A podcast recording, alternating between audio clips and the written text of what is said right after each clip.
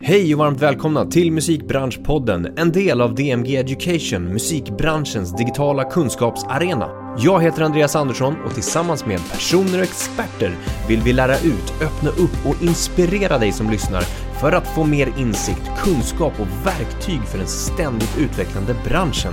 I veckans avsnitt träffar jag härliga Pia Kalischer som är evenemangsansvarig på Sveriges Radio. En spännande och det senaste året en väldigt utmanande roll, minst sagt, i och med pandemin.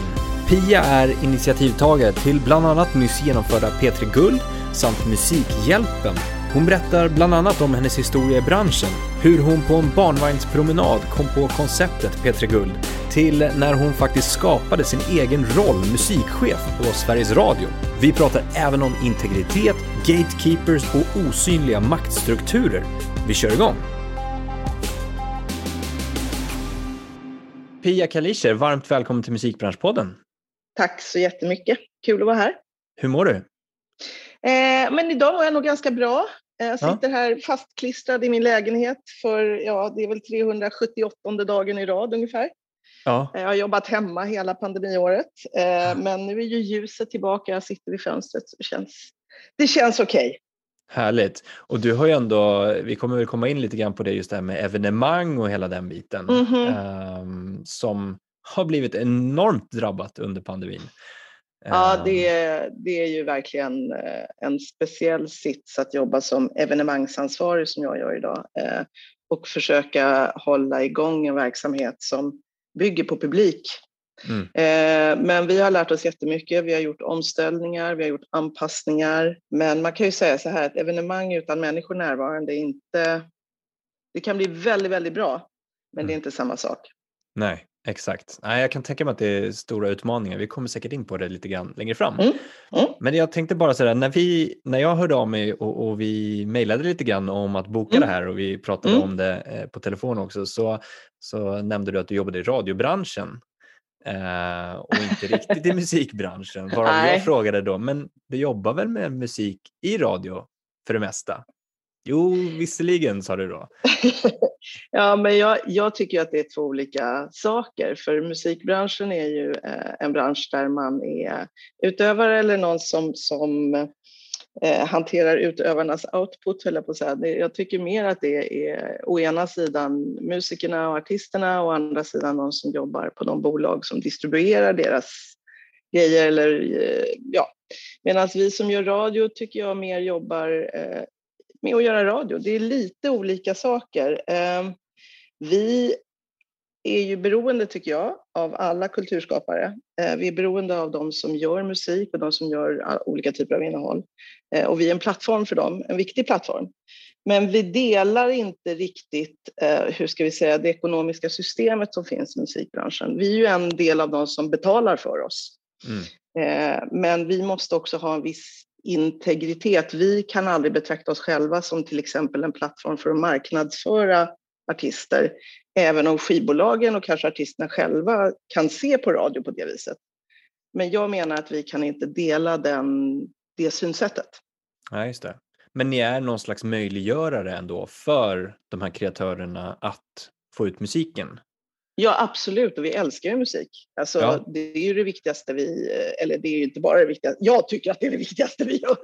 Fråga nyhetschefen på Ekot så säger han eller hon någonting annat. Men det är ju ja. beside the point. Men eh, för de delarna som jag jobbar med och den stora, stora delen musik är ju en av de viktigaste skälen till att människor väljer att lyssna på radio. Ja. Eh, och, och, så jag tycker ju all musik är super, superviktig och hela mitt yrkesliv på radion har jag jobbat med musik ur olika aspekter. Eh, så det tycker jag ju är centralt. Mm, mm. Men det handlar ju om musik som innehåll i sig. Det gör ju en del av radioupplevelsen. Det är ju inte en fråga om att vi hoppas på att den här artisten i nästa led ska sälja jättemycket plattor för att vi spelar. Det är ju aldrig vårt syfte med att spela en artist. Vi kan ju säga, vi gör en, en kvalitativ bedömning och säger, herregud vad bra det här är. Det här mm. flyttar fram positioner eller det här får folk och det här ger, ger människor glädje, sällskap, upplevelser, vad som helst. Det är därför vi, vi spelar det. Så att vi har ju liksom lite andra bevekelsegrunder, tänker jag. Och förhoppningsvis är de väl samma bevekelsegrunder som de som skapar musik har. Mm. Så tänker jag. Mm. Ja, Man vill liksom nå andra människor med, med den här ja, den här låten som ja. är så fantastisk. Ja, precis. Vi kommer komma in lite mer på det där med integritetsfrågan och, och, och liksom hur det är, men jag tänker mm. när vi ändå är inne på det nu, vad, mm. hur, hur, hur kan det krocka ibland när ni har den bilden av det och, och, då skivbolagen till exempel eller management eller artister har den bilden om att ja, men nu ska jag synas här i P3 för att få uppmärksamhet och på så sätt streama mer och på så sätt sälja mer biljetter till eh, mm. evenemang till exempel. Mm. Hur, mm. Krockar det lite grann ibland där?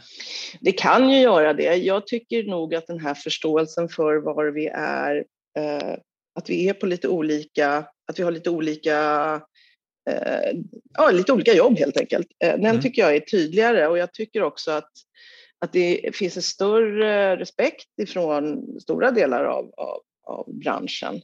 Men ibland märker man ju att, att det finns eh, eh, ja, men en cynism kring att man diskuterar bokningar och evenemang eller man diskuterar placeringar av låtar och, och eh, då kan det där ibland eh, ja, vad ska jag säga, skina igenom lite grann. Också mm. de som kanske inte är så vana vid hur, ja, men som är lite nya och inte är så vana vid hur det hela fungerar. Eller ja, nu var det här länge sedan jag var så nära produktionen, men förra om åren kunde du ju ringa föräldrar och vara lite ursinniga för att vi gjorde det ena eller inte gjorde det andra. Föräldrar um, till uh, artister? Eller? Artister, ja. Jaha. det har också hänt. Det har också hänt. Men jag menar, jag, jag tycker att det finns en stor eh, förståelse och en stor samhörighet mellan eh, radion och eh, musikbranschen. Mm. Eh, det finns ett ömsesidigt, låt oss kalla det för ett ömsesidigt beroende och en ömsesidig respekt som gör att vi i grund och botten kan ha allt ifrån ganska bra och vettiga avtalsförhandlingar ända fram till, liksom ända till att låtarna spelas i radio. Så att det på alla nivåer tycker jag att det finns en stor det finns en stor förståelse för Sveriges Radios eh, unika belägenhet, så kan man väl säga, med mm. alla de kanaler vi har som spelar alla olika typer av musik. Eh, att den bredden som Sveriges Radio representerar, den mängden musik och den mängden pengar som vi faktiskt också betalar eh, och att vi också ger musiken sammanhang. Eh, så där tycker jag att branschen har fått en ganska stor förståelse. Och jag tycker också, vi håller precis på, det är inte jag som är ansvarig för det, utan det är en boss hos oss som heter Simon Gooch som är väldigt bra och härlig på alla sätt och vis, som nu initierar samtal med branschen tillsammans med eh, Sveriges Radios nuvarande musikchef Anna-Karin Larsson eh, för att liksom ta de här diskussionerna vidare och fördjupa samarbetet med musikbranschen. Och det tycker jag är jättebra. Ja, superbra att det finns, verkligen. Absolut. Du har ju hunnit med eh, ganska mycket i, i eh, radiobranschen då, om vi kallar det för det. Eh, bara för att nämna jag har ett par. Ju, ja, ja, jag har precis. ju förflutet i musikbranschen också, det var ju där jag började. Exakt. Eh, och, och, men när det kommer radio nu då, så har ju du mm. initierat mm. lite olika koncept och, och mm. liksom introducerat saker och ting. Mm. Eh, bland annat Peter Guld som för en vecka sedan nu när vi spelar in det här, lite drygt, mm. Mm, genomfördes precis. 2021. Ja. Och även Musikhjälpen eh, som också genomförs eh, årligen eh, mm. under hösten slash vintern kan man väl säga.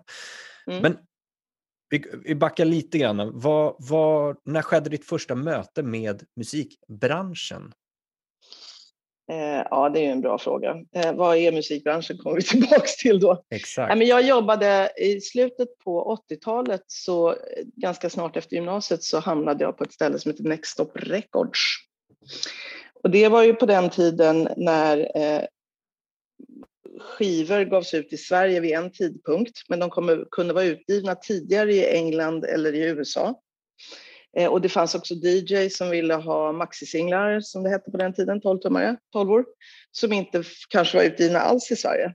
Eh, och likadant att det fanns plötsligt väldigt mycket CD-skivor i USA som inte ännu hade kommit till Sverige.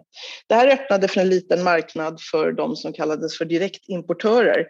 Det vill säga eh, en firma som, Nextop var en firma som tog in skivor från USA, England, Tyskland innan de var släppta i Sverige. Då hade vi, ja, fanns kanske ett par veckors marginal.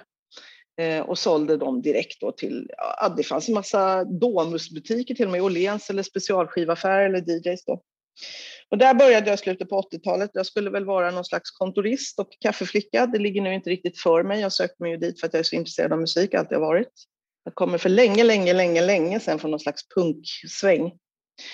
Men eh, så hamnade jag där och sen så fick jag väl göra diverse kontorsgöromål i några månader. Sen drog alla grabbarna, för det var bara grabbar, eh, alla grabbarna, alla säljarna drog till Cannes, till Midem, musikmässan där och jag skulle liksom bara, du vet, hålla kontoret, se till att ingen gjorde inbrott.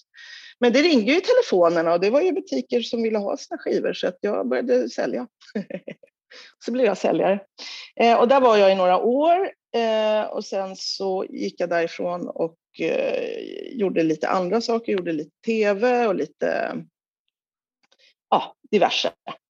Eh, och sen så var det en av mina gamla kompisar som ringde därifrån och frågade om jag ville börja jobba på ett skivbolag som han eh, hade precis blivit anställd på. Det var ett holländskt skivbolag som hette CNR Records. Eh, det var ju tidiga 90-talet detta. Eh, det var ett holländskt bolag som leddes av en kille som hette, den svenska chefen hette Staffan Hjort, han kom från Warner. Eh, och där började jag som promotionassistent och upptäckte att det låg inte alls för mig. Eh, det vill säga, vi hade ett jättekul gäng. Jag tyckte jättemycket om människorna jag jobbade med, men jag tyckte nog inte så mycket om mina arbetsuppgifter efter ett tag. Fast vi gjorde en massa kul grejer. Vi gav ut eh, de första technosamlingarna. Det fanns, vi hade rättigheterna till Pump Up The Jam, så vi gav ut en samling som heter Technomania som jag var med och tog eh, initiativet till. Mm. och lite, och då, det där blev en lång... Alltså det fanns ju tusen olika technosamlingar, men det där var nog en av de första i Sverige, tror jag. Så det var ju väldigt kul. Men där Från blev jag bara... till techno? Ja, jo men herregud, musik är kul. um, så efter det så... Jag pluggade lite här parallellt och jag längtade ju alltid till radion för jag har ju egentligen velat jobba med radio sedan jag var uh, ja, 15 kan man väl säga. Okej, okay. hur, hur kommer det sig? Vad, vad var det som lockade med radio? Musik. Ja, det var det? Ja. Ja, och hur absolut. kommer det sig att det var just radio och inte då musikbranschen som sådan som du ändå fick smaka på? Nej, men jag älskade ju vara den, när jag hörde ny musik på radio, det, här, alltså, när jag var fem, det hände inte så ofta när jag var 15. Eh, P3 var ju lite annorlunda än vad det är idag. Men när det kom musik där som jag tyckte var, liksom, gjorde någonting med mig så tyckte jag att det var en sån stark upplevelse. Så jag ville ju väldigt tidigt vara den som valde ut musiken. Mm. För jag var ju så kaxig så att jag var helt övertygad om att jag skulle göra det bättre än de som satt där just ah. då. Kan jag väl våga säga idag. Hade jag inte vågat säga då, men jag, jag trodde att jag skulle göra det där. Kanonbra. Eh, och det gjorde jag väl sen också under en period i alla fall. Men eh, så det var så det började faktiskt. Om man går in på eh, radio mm. och din position där, eller det, det, det, du har jobbat med, du nämnde det förut, du har eh, till exempel jobbat som musikchef, mm. Eh, men också genrechef. Eh, om vi börjar bara med musikchef, vad, vad betyder musikchef på Sveriges Radio? Jo, ja, eh, det var ju ett sånt där jobb som jag hittade på. Ja. det, det fanns inte. Eh, jag var först något som ett musikkoordinator eh, på P3 då hade jag en, en samordnande roll för alla de som jobbade som musikredaktörer och då fick vi ju fortfarande skivor oss, skickade till oss. Så att jag sorterade ut den som skulle ha plattor och vilka som skulle, liksom, vad vi skulle jobba med och hur spellistorna såg ut och sådär. Och eh, den där rollen var lite otydlig och jag kände att jag ville eh, jobba mer med och hur vi skulle hålla ihop. Vad jag ville skapa som var viktigt för mig att Peter skulle ha en sammanhållen musikprofil. För det var lite så eh, där i mitten på 90-talet att program, man hade olika musikläggare för olika enstaka program och det kunde låta otroligt spräckligt över dagen. Eh, och eh, det blev också, berodde lite grann på hur, hur bra kontakter man, man hade. Kom det in någon ny som inte hade så bra kontakter med skivbolagen så fick man inte plattorna och då blev, ja. Mm, så att mm. kanalen, hur kanalen lät blev liksom lidande och jag hade någon tanke om att jag den kommersiella radion introducerades ju i Sverige 1993. Och där hade man ju ganska snabbt insett att vi behöver, där var den amerikanska radion en förebild, man ville ha musikformat och liksom, man pratade om varumärken och, och, där var vi ju lite, låg vi rätt långt i bakvattnet kan jag väl ändå säga. Så jag jobbade för att Peter skulle få en enhetlig musikprofil. Och så fick vi en ny PT-chef. Då gick jag till honom, han heter Mats Åkerlund. Och så gick jag till honom och sa så här, hej, jag skulle jättegärna vilja bli musikchef på P3. Eh, jaha, sa han, vad kul. Varsågod. ja, inte riktigt så enkelt, men, men jag förklarade väl att jag tyckte att det skulle vara bra för P3 om vi hade liksom en mer enhetlig, mer enhetligt sound på dagarna som var förtydligade vad kanalen stod för, vilken målgrupp vi skulle nå och att det skulle finnas gott om utrymme för musikprogram på kvällarna. Alla gillade inte det där, för då började vi jobba med en gemensam spellista under dagen. Jag tror att många musikredaktörer då kände sig eh, eh, av deras egen smak och deras egen makt blev ju liksom lite åsidosatt. Å andra sidan så kanalen blev ju tydligare och fick ett tydligare sound och vi var ju en grupp musikredaktörer som tillsammans då satte ihop spellistan. Jag ledde de där mötena. Så där började musikchefsrollen och efter några år så kom jag in i Peters ledningsgrupp och då började det handla mer om kanalen och tablåerna. Och när det var som allra, eh, när det var som allra roligast, då hade vi liksom 17 olika musikprogram i veckan. Oj, oj. Ja. Ja. Mm. ja, ett tag så hade jag, fick jag fösa. Eh, jag är inte helt säker på att det var absolut bästa, men det var nog en av de roligaste perioderna i mitt liv. Eh, det var här någonstans som vi startade Petri Dans, jag, Kalle Dernulf och Järmund. Gjorde massa roliga saker.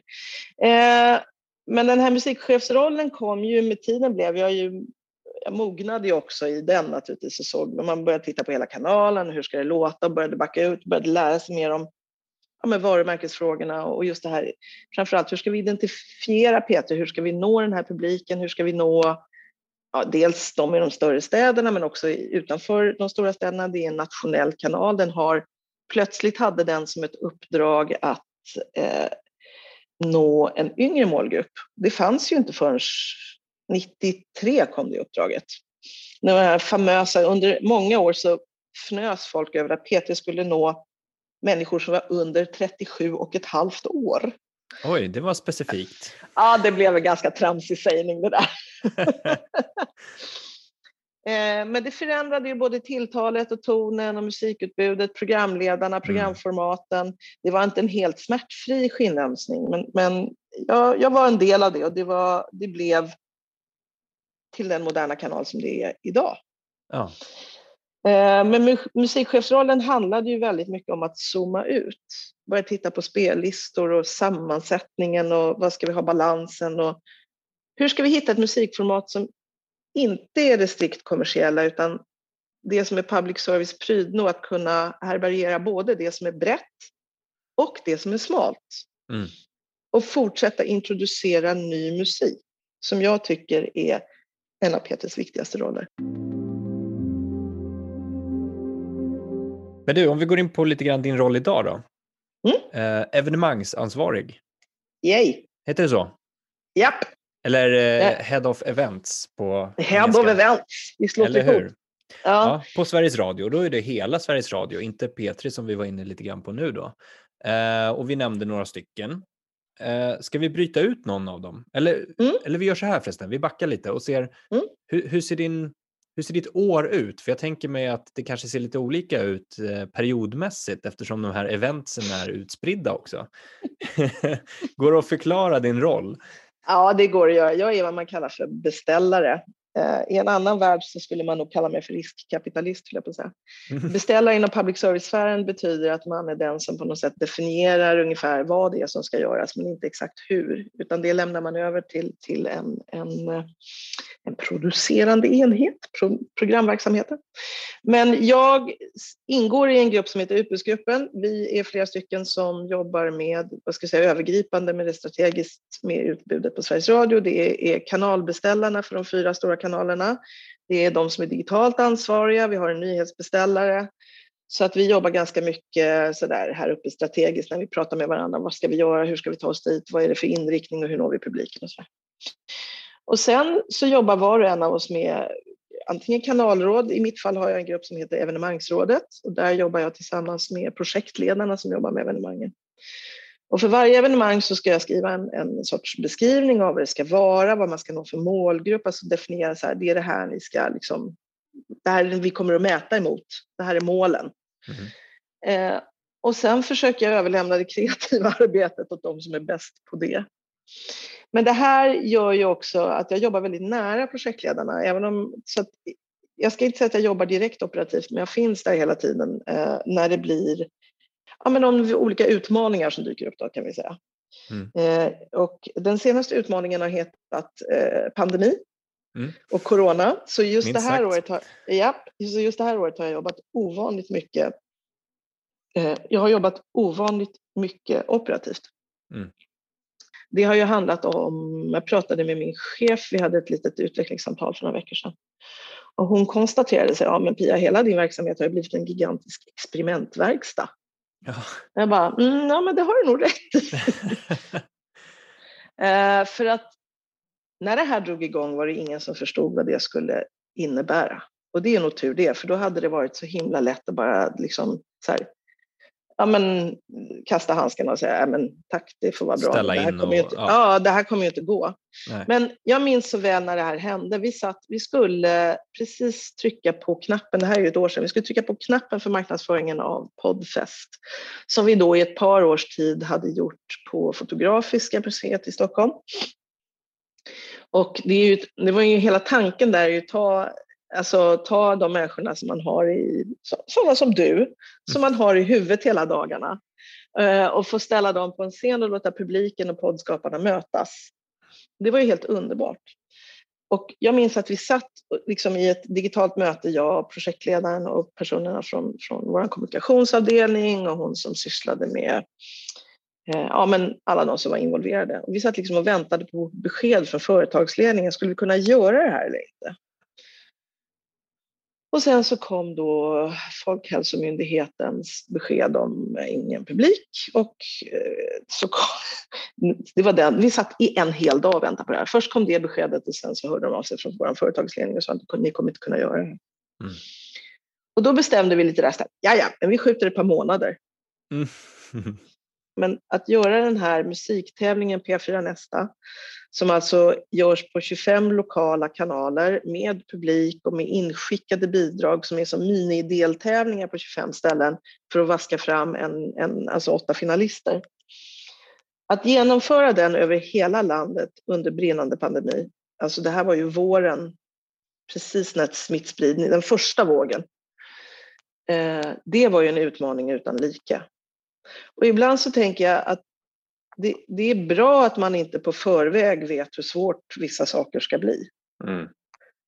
Men vi lyckades göra detta och för detta är jag evigt tacksam till varenda kotte ute på P4 som, som spritade mikrofoner, som höll avstånd, som liksom separerade människor. Alltså vi gjorde ju det här, vi gjorde ju inspelningarna utan publik.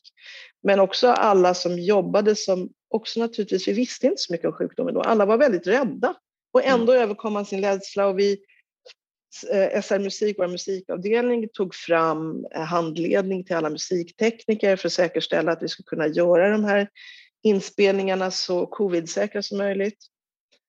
Och där var jag envis som en benget. Liksom. Det var bara så här, nej, vi ska inte ställa in det här. Det fanns de som ville göra det. Det fanns ganska många.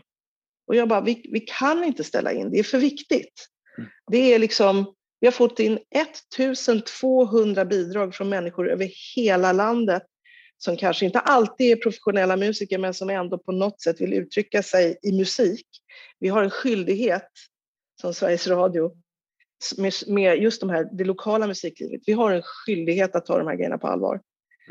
Eh, så med lock och pock och nya metoder och eh, en oerhört duktig projektledare som heter Mats Broborg så lyckades vi lotsa de lokala kanalerna genom 25 deltävlingar som såg på lite olika sätt ut. Men alla som var anmälda för att delta fick delta och peppa, peppa, peppar, ingen blev sjuk. Nu har vi pratat lite grann om, eh, vi har nämnt de här olika evenemangen, några av dem. Vi har mm. lite grann hur din, din roll av det här ser ut också. Eh, och, och, Det handlar om att dels genomföra, att introducera nya koncept och P3 Guld var ju ett av dem. Hur, hur kom det? Kom det från liksom en, en blixt från klar himmel eller var det någonting som arbetades fram och tragglades igenom? Ska jag vara ärlig? Jag var ute och ja. drog en barnvagn. Jag, tog, jag, var, jag var mammaledig, älskar mina barn, lite uttråkad. Nej, men mammaledighet, det, det, det är mycket egentid, kan jag säga. Det, det här var också, vi var inte lika, vi hade inga smartphones då. Eh, nej, men man gick ju väldigt mycket promenader med barnvagn och eh, tänkte mycket, gjorde jag. Eh, vid den här tiden så var det rätt mycket diskussioner om Sveriges Radios medverkan i Grammisgalan. Skulle vi vara med, skulle vi inte vara med? Det fanns en radiochef då som tyckte att Sveriges Radios medarbetare inte skulle vara med. Det var inte jag, det var någon annan. Eh, och, hur, och jag tror att det här var också i samband med att Grammis gick ut och sa att vi kommer nu att börja dela ut Grammisar eh, baserat på försäljningssiffror har jag för mig att det var. Det var 2001, 2002 där någonstans. Och då blev det lite så här, men vänta lite, det kan inte Sveriges Radios... Då tyckte den radiochefen att Sveriges Radios medarbetare kan inte vara med och sätta sin stamp of approval på en sån grej. Varför ska man ha en jury om det bara är siffror? Alltså det var en sån här diskussion. Men det blev lite så här hysteriskt.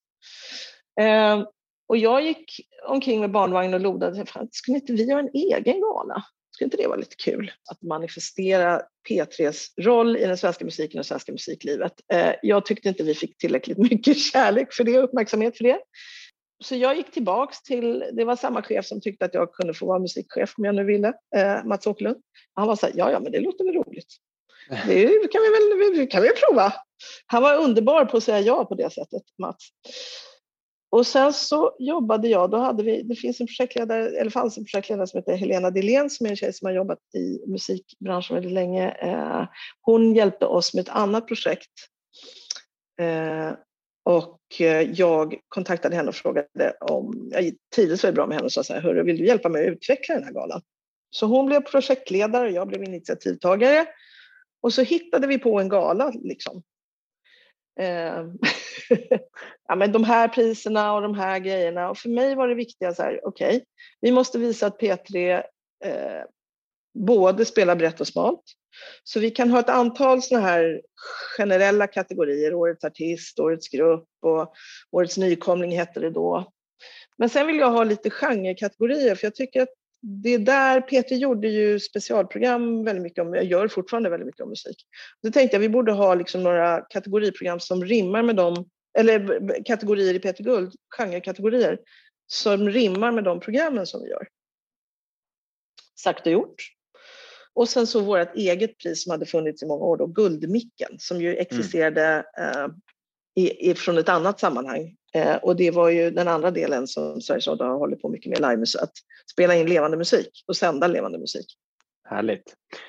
Om man då går in bara på ett annat koncept som du inte har startat, alltså det är ju superhäftigt att du från en barnvagnspromenad startar ett, ett koncept som P3 Guld. Alltså det är ju, det är ju superballt att bara höra och, och, och, mm. och höra den födelsen på något sätt. Men sen finns det ju format som man kan eh, kan man säga importera eller ta, mm, absolut. Eh, ta, ta inspiration utav. Men Musikhjälpen är väl ett sådant kan man väl säga. Ja. Um, som inte är liksom exklusivt ett svenskt koncept på det sättet. Hur, inte alls. Hur gick det till då, när det startades igång? Det är från början ett format som de holländska eh, radion och tvn, NPO, startade och som de efter några väldigt framgångsrika år tog med som ett erbjudande till EBU, the European Broadcasting Union, där eh, Eh, public service-bolagen ingår. Eh, och där var det faktiskt, först var det en kille på SVT som heter Marcus Sterky som ringde till oss och sa det här tycker jag att SVT och SR ska göra tillsammans. Vi gör inte så många samarbeten tillsammans så det var så här, ah, ska vi? Ja, vi kan ju prova det. Så från början var vi väldigt trogna formatet. De valde teman och vi följde med och vi gjorde precis som, som de sa, höll jag på att säga, fast på vårt sätt. Eh, men efter några år så började vi märka kraften i det där och vi började framför allt, det här är ju samtidigt som sociala medier började få sitt genomslag. Mm. Och Sveriges Radio har redan från början varit väldigt duktiga på, på sociala medier och väldigt aktiva. Vi har eh, redaktörer som jobbar med detta. Vi har tagit fram en social, sociala medier-handbok för journalister. Så vi började tidigt inse kraften i sociala medier i kombination med Musikhjälpen. Så vi påbörjade ju en egen utveckling, kan man väl säga. Vi landade i en sägning, jag tror att det var jag, jag minns inte om det var jag eller någon annan, här, men Musikhjälpen måste vara delbart med 10 miljoner. Det är ju inte vi som gör innehållet, mm. utan det är ju publiken som gör hela innehållet. Det är därifrån vi hittar historierna, Det är de som är hjältarna, det är publiken vi ska sätta allt fokus på.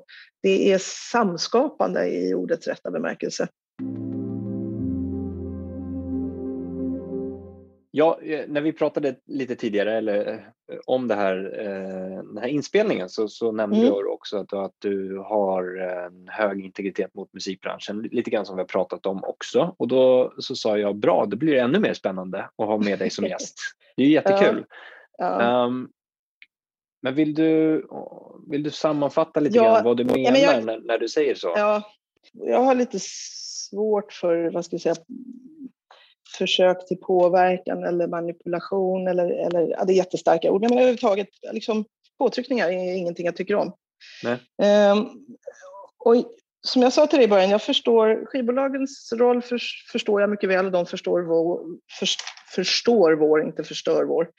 Eh, de förstår vår position. Eh, men det har ju funnits ögonblick, när jag började som musikkoordinator, då, det var precis när eh, de här releasefesterna stod i sin prydno. Så fort någon släppte en skiva så var det liksom öl och mat nere på någon restaurang på stan. Eh, och man blev bjuden på saker, eller man kunde bli bjuden på saker. Det behövde inte vara jätte... Men det kunde hända. Eller man kunde få förslag om att, följa med på någon resa på någon båt och liksom lyssna på någon artist. Eller, eh, det kunde komma en hel låda mango för att marknadsföra Mango Kings de var ruttna för då hade de inte räknat med att det skulle ta lite tid i posten så det blev ovanligt platt fall. Jag fick en rakhyvel en gång för att det fanns ett isländskt band som hette Lady Gillette. Alltså det var så mycket trams, ursäkta.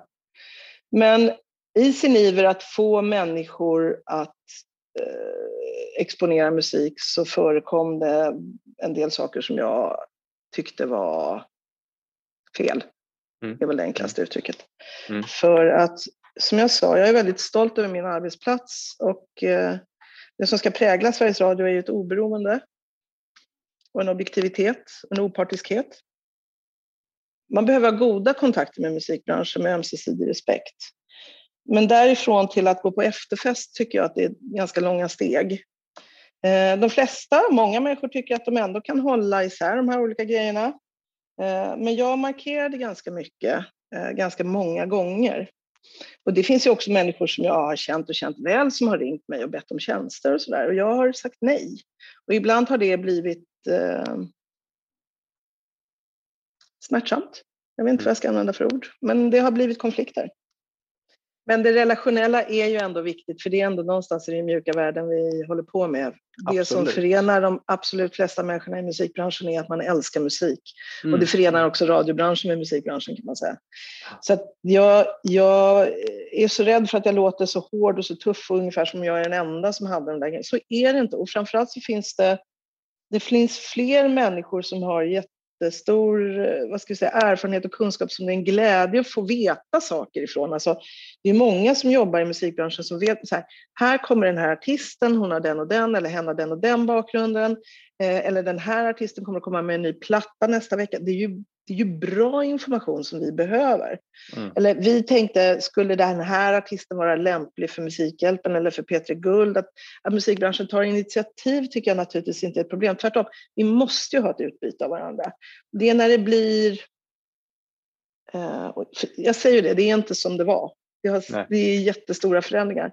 Eh, och, jag vill verkligen inte på något som helst peka ut någon, eller, eller, eh, utan jag vet ju att alla som jobbar i branschen gör det. kärleken till musiken, respekt för artisterna och glädjen i att det är, det är kul jobb och de flesta får jobba väldigt hårt. Mm, mm. Ja, och, och, det är ju verkligen det som, som jag hoppas många eh, fortsätter anamma och fortsätter jobba för så att säga.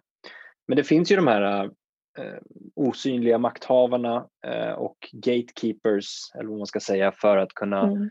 eh, få ta sig in på något sätt. Antingen om det är via en anställning på ett bolag eller ett företag eller som kreatör, artist, låtskrivare, allt, allt möjligt. Så, där. så finns det ju de här gatekeepers överallt. Och, um, skulle du, skulle du säga att du själv har liksom fungerat som en gatekeeper? Oh, det är klart att om du frågar någon annan så har jag ju säkert varit det. Jag har ju äh, varit med och anställt folk som, som jobbar äh, fortfarande, som har jobbat i 20 år.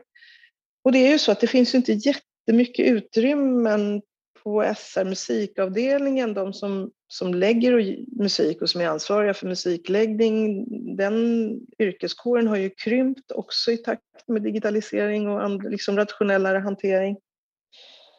Så jag har säkert, eh, jag är säkert någon form av gatekeeper. Men jag tänker att jag vill ju, om jag ska vara någon form av gatekeeper så vill jag ju försöka vara det för kvalitet förhoppningsvis. Mm. Eh, men det är klart, det är aldrig bra om någon sitter för länge på samma ställe, eh, vad det än är för någonting. Mm. Och då, då gillar jag ju ändå långa relationer, liksom. det, för jag tror på det. Men man behöver se så att man inte är samma människor hela tiden, för det är de som du är tillsammans med som påverkar dig mest. Mm. Då behöver du få in nya människor hela tiden för att få ny påverkan. Helt rätt. Vad skulle du ge för råd till någon som eh, ja, kanske vill, vill liksom inte ta sig förbi, det låter så drastiskt, men det, det handlar ju ändå om att liksom på något sätt mm. bara eh, skapa en relation med en gatekeeper eller ta sig förbi för att eh, få fram sin vilja eller sin musik i det här fallet som vi pratar om just nu. Då. Eh, mm. Hur skulle du, hur skulle du, eller vilka tips skulle du ge till någon som vill närma sig en gatekeeper? Uh, oj, vilken bra fråga. Och berätta sin historia brukar vara ett ganska, faktiskt en ganska bra väg in, även om den är inte så lång som min, hoppas jag. Men att berätta lite om sin historia eh, gör att man intresserar sig för människan bakom vad det nu är för någonting, om det är låten eller viljan eller eh, och våga visa vem man är lite grann. Det mm. tror jag är ett bra tips. Mm. Det har jag alltid gjort faktiskt. Det gick okej, okay, trots alla tvivel. Men våga visa vem man är eh, i skrift eller i telefon eller på något sätt så att man hörs. Ja, ja. Mycket, ja helt rätt. Jag håller med dig. Mycket bra tips. Men du Pia, eh, mm. jag skulle kunna sitta och prata här med dig hur länge som helst för du är så härlig. Eh, men eh, vi ska faktiskt wrap it up lite grann så att eh, jag måste tacka för jätte, jättetrevligt samtal. Tack snälla du för att jag fick vara med och knalla lite längs memory lane. Anytime. Lycka till med allt framöver. Tack snälla du och ha det gott. Tack för att ni är så många som lyssnar på podden. Det är ni som gör att vi kan fortsätta. Prenumererar du inte på podden så är det ju faktiskt hög tid att du klickar på den där lilla knappen nu. Och för ännu mer kunskap, gå in och registrera dig för kunskapsbrevet på vår hemsida dmgeducation.se. Det är inget spam, det är bara kunskap. Ta hand om er ute så hörs vi igen nästa avsnitt.